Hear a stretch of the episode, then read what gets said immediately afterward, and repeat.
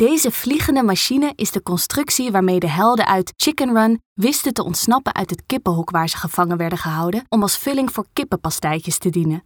De aanwezigheid van dit stuk is bijzonder omdat gedacht werd dat de machine verloren was gegaan. In 2005 zijn bijna alle sets en figuren uit Chicken Run onherstelbaar beschadigd geraakt bij een grote brand, waarbij veel van de aardmanarchieven verloren zijn gegaan.